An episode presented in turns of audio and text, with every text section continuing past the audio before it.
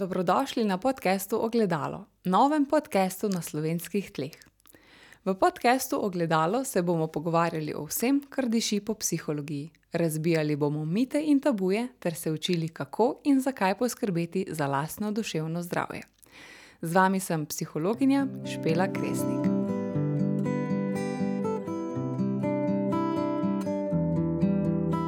Lepo pozdravljeni v prvem podkastu Ogledalo. Danes bom govorila o duševnem zdravju, o tem, kaj to sploh pomeni, o samem pomenu duševnega zdravja in o tem, kaj vse vpliva na naše duševno zdravje. Torej, duševno zdravje, ali sploh vemo, kaj to je? Po definiciji WHO je duševno zdravje stanje dobrega počutja, v katerem posameznik razvija svoje sposobnosti, se spoprijema s stresom v vsakdanjem življenju, učinkovito in plodno dela ter prispeva v svojo skupnost. To je ena taka čisto posplošena definicija, sicer pa si lahko duševno zdravje predstavljamo kot nek kontinuum, kot neko torej ravno premico. In na podlagi tega potem razdelimo v bistvu ta kontinuum duševnega zdravja na duševno zdravje, potem na težave z duševnim zdravjem in kasneje na duševne motnje ena in duševne motnje dva.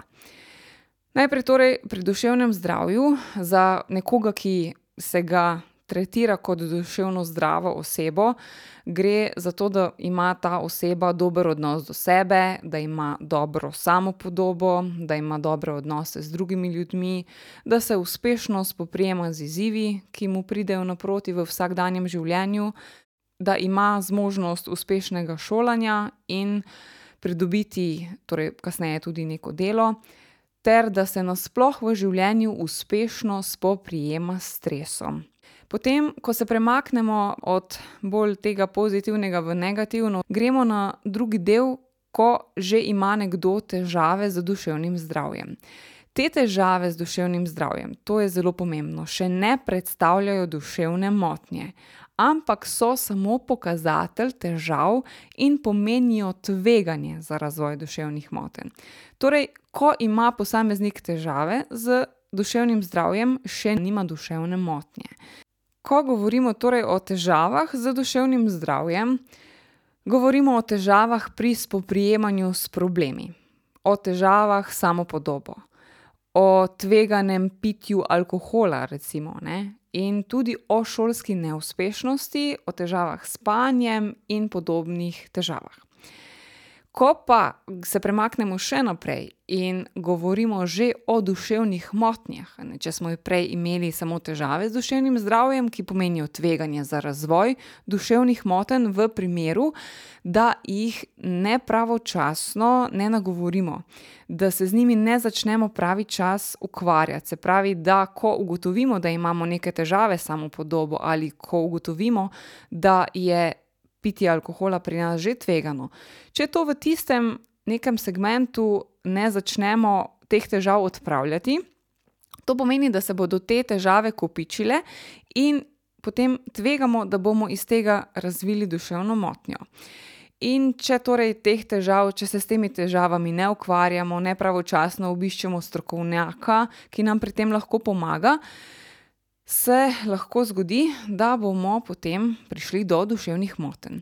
In zdaj, ko govorimo o duševnih motnjah, na eni strani imamo, eno kategorijo, ki so te, najbolj splošne oziroma za začetek tiste najlažje oblike duševnih motenj v primerjavi z drugimi. To so recimo anksioznost, depresija in razne stresne motnje. Na drugi kategoriji pa imamo duševne motnje, ko gre že za moten stik z resničnostjo. Kot, na primer, vedenje pod vplivom nekih psihopatoloških doživetij, ko več ni stika z realnostjo, ko so neki prisluhi in podobne stvari. In pri teh vrstah duševnih motenj že govorimo, da nismo več zmožni skrbeti za osnovne življenjske potrebe. Duševne motnje, ko jih tako delimo na dve kategoriji, v prvi kategoriji so torej duševne motnje, ki pestijo aktivno populacijo in so v izjemnem porastu. Zanje poznamo te preventivne ukrepe in jih tudi uspešno zdravimo. To so torej te uh, motnje vrste anksioznosti, depresije, stresne motnje, um, unipolarne depresije, bipolarne motnje razpoloženja, odvisnosti od raznih psihoaktivnih snovi in tako naprej. Vse to so torej. Neke take motnje, ki so v populaciji kar precej pogoste in jih tudi uspešno zdravimo. Ko pa govorimo o duševnih motnjah, ki so po poteku kronične in potrebujejo dolgotrajno zdravljenje, včasih tudi celo rehabilitacijo ali dolgotrajno oskrbo in druge oblike kontinuirane, bolj ali manj stalne psihosocialne oblike pomoči. Tu pa so torej te psihotične motnje, organske duševne motnje, demence in tako naprej.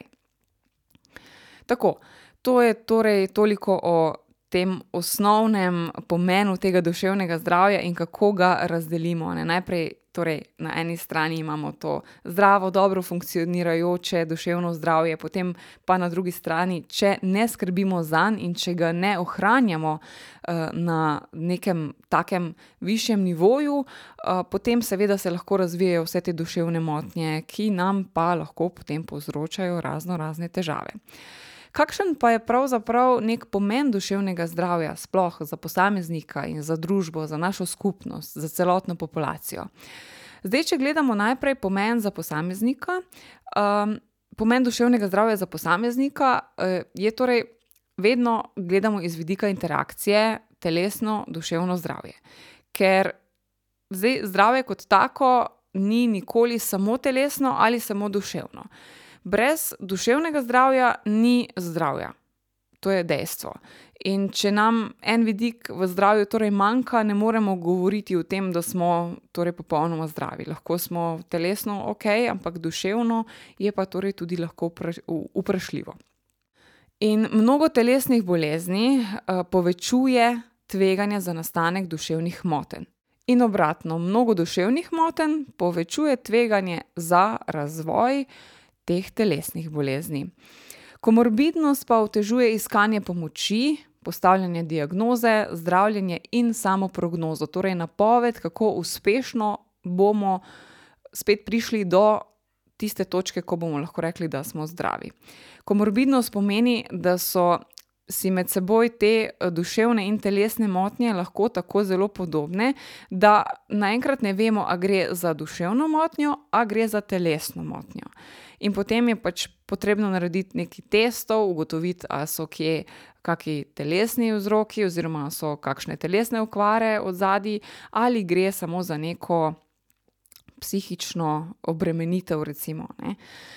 Tveganje je večje tudi za poškodbe, takrat, ko imamo duševno motnjo, eh, kajti, recimo, če je nekdo depresiven v službi ali pa anksiozen, je lahko tudi nezbran in se na ta način, recimo, to je eden od možnih načinov, kako se tvega te poškodbe. Eh, seveda pa eh, zdaj za posameznika eh, to duševno zdravje pomeni tudi izključenost iz družbe, če ima neko duševno motnjo. Ne? Zato, ker dan danes še vedno, nažalost, je stigma o duševni bolezni oziroma o duševni motnji. V družbi velika in ljudje, ki imajo duševne motnje, so žal še vedno preveč stigmatizirani. To pomeni, da ljudje, ki so, recimo, temu zdravi oziroma brez duševnih motenj, ljudi, ki imajo duševne motnje, vidijo kot nekoga, ki je predvsem zelo drugačen od njih. In pogosto, nažalost, vidijo v njem tudi, da jim bo kaj storil, eh, ali pa da je bolj agresiven, da se ne bo znal obvladovati, da bo karkoli narobe in se zelo neprijetno počutijo v njihovi družbi ker je žal še vedno premalo znanega o duševnih boleznih in motnjah v družbi, ker o tem ne govorimo na glas, ker se o tem ne pogovarjamo in ker pač nažalost še vedno nismo dovolj odprti do tega. In ravno zato sem se tudi sama odločila za snemanje tega podcasta, da spregovorimo o teh stvarih, ki so zelo pomembne za družbo, za razvoj družbe, za rast in ne nazadnje tudi za boljše počutje. Kakšen pa je pomen duševnega zdravja za družbo oziroma populacijo? Duševne motnje povečujejo tveganje za nalezljive in nenalezljive bolezni. Tu mogoče se kdo sprašuje, na kak način vpliva zdaj neka duševna motnja na tveganje za nalezljive bolezni. En primer bom recimo povedala. Če imamo ljudi, ki so splošno zelo anksiozni in jih je zelo strah, so ves čas tesnobni, s tem povzročajo svojemu telesu stres. Stres vemo, da znižuje imunsko sposobnost našega telesa. In ko nismo več odporni, smo dosti bolj dovzetni za nalezljive bolezni. To je recimo en primer. Za nenalezljive bolezni pa duševne motnje vplivajo zelo podobno. Enako znižujejo imunski sistem oziroma sposobnost telesa, da se ubrani, in pravzaprav je tukaj že veliko študij s področja psihonevroimunologije, in je to čisto ena taka tema za podcast kdaj drugič. ampak dejstvo je, da je duševno zdravje tako zelo povezano s telesom, s telesnim zdravjem, da se veliko, veliko nenalezljivih bolezni sproži zato, ker mi svojemu telesu nalagamo preveč stresa. S pomočjo tega, da ne zmoremo recimo, izražati čustev na neki način, ki bi bil primeren, da, smo konstantno nezadovoljni v življenju, da nas konstantno nekaj skrbi, da dajemo vedno drugim prednost in tako naprej, ne, da imamo neko slabšo samopodobo, da si ne zaupamo. prav tako pa duševno zdravje tudi vpliva na neko dodatno breme bolezni in seveda navsezadnje, če pogledamo iz vidika financ, so duševne bolezni oziroma duševne motnje tudi povezane s stroški, ki jih imamo, ne. Kaj pa vse vpliva na duševno zdravje? Od česa je torej odvisno, kakšno duševno zdravje bo posameznik imel? Najprej gremo na raven posameznika. Zagotovo najprej vpliva posameznikov življenjski stil. Torej, ali si posameznik vzame čas zase in naredi nekaj zase, za svoje duševno zdravje, recimo meditacija, zapisovanje dnevnika hvaležnosti in takšne recimo aktivnosti, ki dvigajo naše, duševno zdravje. Ali ta posameznik ves čas samo ugaja drugim, hiti v življenju, se mu nenehno mudi, ima težnjo k perfekcionizmu, da vse naredi popolno in tako naprej. To je zagotovo ena stvar, ki doprinese k duševnemu zdravju. Potem je tukaj še seveda starost, spol, konstitucija naj bi bila ena taka determinanta duševnega zdravja. In tukaj so tudi kognitivni dejavniki, to pa pomeni, kako posameznik čuti in doživlja. Kako torej tudi izraža svoja čustva, koliko se s tem ukvarja in tako naprej, ne, ker tu gre za to, da lahko mi vse to pridno potlačujemo ali pa pridno izražamo na primeren način.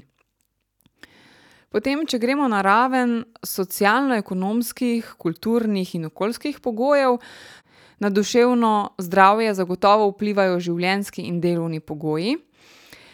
Brezposelnost je ena taka stvar, ki lahko zelo obremeni naše duševno zdravje, v kolikor ne pravočasno ukrepamo, in če si dovolimo, da nas potegne v tisto melanholijo, v tisti negativizem, se začnemo potem vrteti v nekem takem krogu in iz tega zelo, zelo težko izstopimo.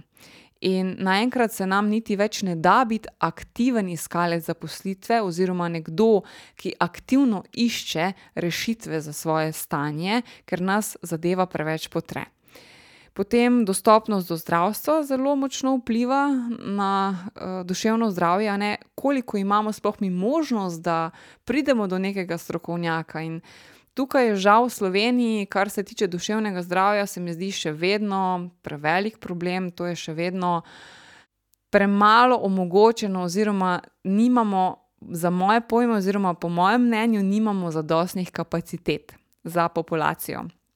Da bi se lahko uspešno spopadali, oziroma da bi lahko bili uspešnejši, v pomoči ljudem, ki imajo težave z duševnim zdravjem, kajti pot, dokler lahko nekdo preko zdravstva pride do psihologa oziroma do psihoterapevta, psihiatra, je lahko včasih že predolga. Pravzaprav pa je največji problem tudi v teh čakalnih dobah, ko vemo, da neke duševne težave uh, zagotovo zahtevajo čim hitrejšo obravnavo.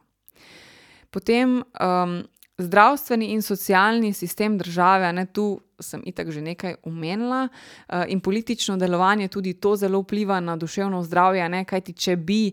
Uh, recimo, bili vsi skupaj bolj um, ozaveščeni, da bi se tudi tisti odgovorni sistemi bolj ukvarjali s tem, z promocijo uh, tega duševnega zdravja, bi lahko tukaj zelo veliko naredili. Če bi recimo vlagali neka sredstva v promocijo duševnega zdravja, imeli razno razne delavnice, ki bi se jih lahko ljudje udeležili. Um, Ali pa neke take skupine pomoči, in podobno, ne? tu se da marsikaj narediti, ampak vprašanje je, koliko smo pripravljeni um, tu vložiti in truda, in financ, in vsega. Ampak tu je zagotovo še, sploh v Sloveniji, veliko manevrskega prostora, da se da kaj narediti. In še dejavniki tveganja na eh, tem nivoju, kar se tiče uh, socialno-ekonomskih, kulturnih, okoljskih pogojev, uh, je tudi pomankanje možnosti izobraževanja, stanovanska problematika, ki v Sloveniji postaja vedno bolj pereč problem, sploh za nas, mlade ljudi. In slabi socialni pogoji, slaba prehrana, revščina, vse to doprinese k slabšemu duševnemu zdravju. Medtem ko moram tu omeniti še varovalne dejavnike, um, ki so v tem segmentu, uh, torej na ravni socialno-ekonomskih, kulturnih, okoljskih pogojev, zelo pomembni. Varovalni dejavniki pa so povezovanje skupnosti in družbena participacija. Bom še enkrat povedala, varovalni dejavniki so povezovanje skupnosti in družbena participacija. Upam, da vam je vsaj malo jasno, zakaj sem to dvakrat povedala, glede na leto dni nazaj, ko se spomnimo vsega, kar se je dogajalo pri nas, ne? ko tudi teh varovalnih dejavnikov, žal, za mnoge ni bilo. Na to smo pravzaprav zelo pozabili in um, ja upam, da ne bodo posledice zaradi tega, ker smo pozabili na to v prihodnosti, um, torej dolgoročno, um, da ne bomo trpeli prevelikih posledic zaradi tega. In še tretja stvar, ki vpliva na duševno zdravje. Je v bistvu raven lokalne skupnosti in te socialne mreže, ki jo imamo. Socialna mreža je za vsakega posameznika zelo pomembna. To pa ne govorim v smislu, da bi moral vsak posameznik imeti, ne vem, na tisoče prijateljev ali tako zelo široko socialno mrežo. Ne, sploh ne gre za to. Gre se za kakovost socialne mreže. Če tudi ima posameznik manj nekih bližnjih odnosov, um, prijateljev, stikov, je zelo pomembno, da so vsi ti stiki kakovostni. Torej, da lahko tem ljudem zaupamo, da se lahko z njimi pogovarjamo o stvarih, ki nas pestijo, da smo lahko z njimi to, kar smo. Kaj ti ta lokalna skupnost in socialna mreža, v kateri se mi kot posameznik dobro počutimo, nam omogoča varnost, sprejetost in pripadnost, kar pa so pravzaprav naše potrebe, potrebe slehrnega posameznika. Kljub temu, da poznamo vse te determinante in lahko torej, na ta način se ukvarjamo s tem, da pripomoremo k zviševanju uh, duševnega zdravja, um, da ukrepamo ne, ob teh determinantah. In kljub razpoložljivosti učinkovite terapije, ki jo imamo, še vedno žal duševne motnje niso dovolj prepoznane in niso ustrezno in v zadovoljivem odstotku zdravljene. Namreč raziskave kažejo, da naj bi bila samo ena tretjina oseb z duševno motnjo deležnih zdravljenja, kar pomeni, da, dve tretjini, da sta dve tretjini duševnih motenj oziroma oseb z duševnimi motnjami še vedno neodkritih oziroma neustrezno zdravljenih. Zdaj, vzroke za to lahko iščemo tudi v posameznikih, tudi v stigmi, tudi v tem, da posamezniki ne upajo izraziti, da imajo težave, da se bojijo stigme, da se bojijo tega, da jih bodo drugi oklicali za nore, ker bodo šli po pomoč k psihologu ali psihiatru, psihoterapeutu. In ta strah je včasih, nažalost, res tako velik, da jim je lažje trpeti za duševno motnjo, kot pa poiskati pomoč. Kajti, če bi poiskali pomoč, je čisto možno, da bi lahko to težavo zelo hitro odpravili ali pa vsaj zmanjšali. Um, ko pa ne poiščejo pomoči, pa to samo pomeni, da se lahko to razvije v kaj večjega in v kaj takega, kar bo dolgoročno zelo močno vplivalo na zadovoljstvo in kakovost življenja. Ko sem malo brskala po internetu in skušala najti aktualne podatke oziroma podatke aktualnih raziskav o razširjenosti duševnih motenj, moram reči, da sem nekako razočarano ugotovila, da tega ni nikjer. Zadnji podatki, ki so dostopni, oziroma ki sem jih vsaj jaz našla, tako da če kdo drug ve kaj več, prosim, let me know. Um, zadnji podatki, ki so na voljo, so iz leta 2011. In to je sicer zelo star podatek, ampak že takrat se je ugotovilo, da v državah Evropske unije, na Islandiji, Norveškem in v Švici, je bilo kar 38,2 odstotka prebivalcev, kar je približno 164,8 milijona ljudi, spopadalo z duševnimi motnjami. In takrat so predvidevali, da naj bi do leta 2020 se z duševnimi motnjami srečal vsak četrti prebivalec. Danes smo že leta 2021, kmalu bo leto 2022, in do takrat, torej od leta 2011 naprej, so vse te duševne motnje bile v porastu, in um, nekako iz prakse ni videti, da bi karkoli upadalo vsaj kolikor uh, je meni znano. Uh, čakalne dobe namreč pri uh, psihoterapevtih, tudi samoplačniških, so še vedno predolge. Torej, to nakazuje na eno dejstvo, da je te pomoči na nek način še vseeno premalo.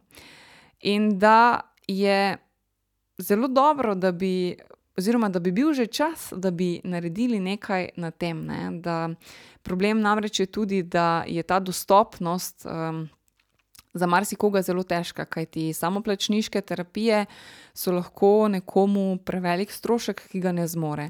Ko pa govorimo o um, teh terapijah, ki jih imamo znotraj zdravstva, pa so ali čakalne dobe še daljše, ali pa so. Um, zelo težko je v bistvu priti do tega. Ne? Eh, zelo dolga pot nas čaka, da pridemo do um, ustrezne terapije znotraj javnega zdravstva.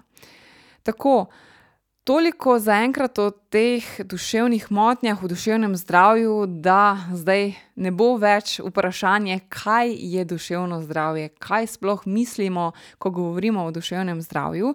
Zdaj, o pismenosti glede duševnih motenj in o sami stigmatizaciji pa bom podrobneje govorila, kdaj v kakšnem drugem podkastu. Zato, ker to se mi zdi, da bi bilo fino, da je tema zase, kajti um, zelo je tako široka in ne bi rada, da bi ti podcasti um, bili predolgi. Uh, tako da se mi zdi, da bo za danes dovolj in osnove, ki sem jih želela deliti z vami, sem jih podelila. Zdi se mi pa pomembno, da vse to veste tudi zato, ker um, je to, da že nekaj več vemo, uh, že prvi predpogoj za to, da si upamo o tem se pogovarjati, da si upamo nagovoriti te tematike. Torej, hkrati vas uh, znotraj tega podcasta tudi zelo spodbujam, da dejte se o tem pogovarjati. Dajte danes, ko ste slišali, kaj to je, kaj je sploh duševno zdravje, kaj so duševne motnje, kdaj se razvijajo, kaj pripomore k temu, da se razvijajo duševne motnje. To si boste najbolje zapomnili tako, da boste o tem spregovorili z nekom, ki vam je blizu in ki, s katerim se lahko pogovarjate takšne stvari. Mogoče je to lahko predlog za eno tako konkretno debato, za en pogovor ob dobri kavi ali čaju. In zato, da pravzaprav na ta način tudi rušite te tabuje glede duševnega zdravja in pomagate, da um, se o tem več pogovarjamo. Torej, če se bo vsak od vas, ki danes poslušate ta podcast, še potem pogovoril o tem z nekom drugim, smo dosegli že veliko. Hvala, ker ste bili danes z mano. Vesela bom, če podcast pošerate na socialnih omrežjih. Če ga boste delili na Instagramu, me označite v storju, pa bom z veseljem tudi potem podelila naprej. Bom vesela vseh vaših komentarjev, vseh vaših vprašanj, torej vedno dobrodošli, lahko mi pišete na e-mail ali pa kar na Instagram, tam je najbolje, tam bom najprej videla um, kako zasebno sporočilo, pa z veseljem odgovorim. Tako da imejte se lepo, imejte lep dan še naprej in vse dobro vam želim.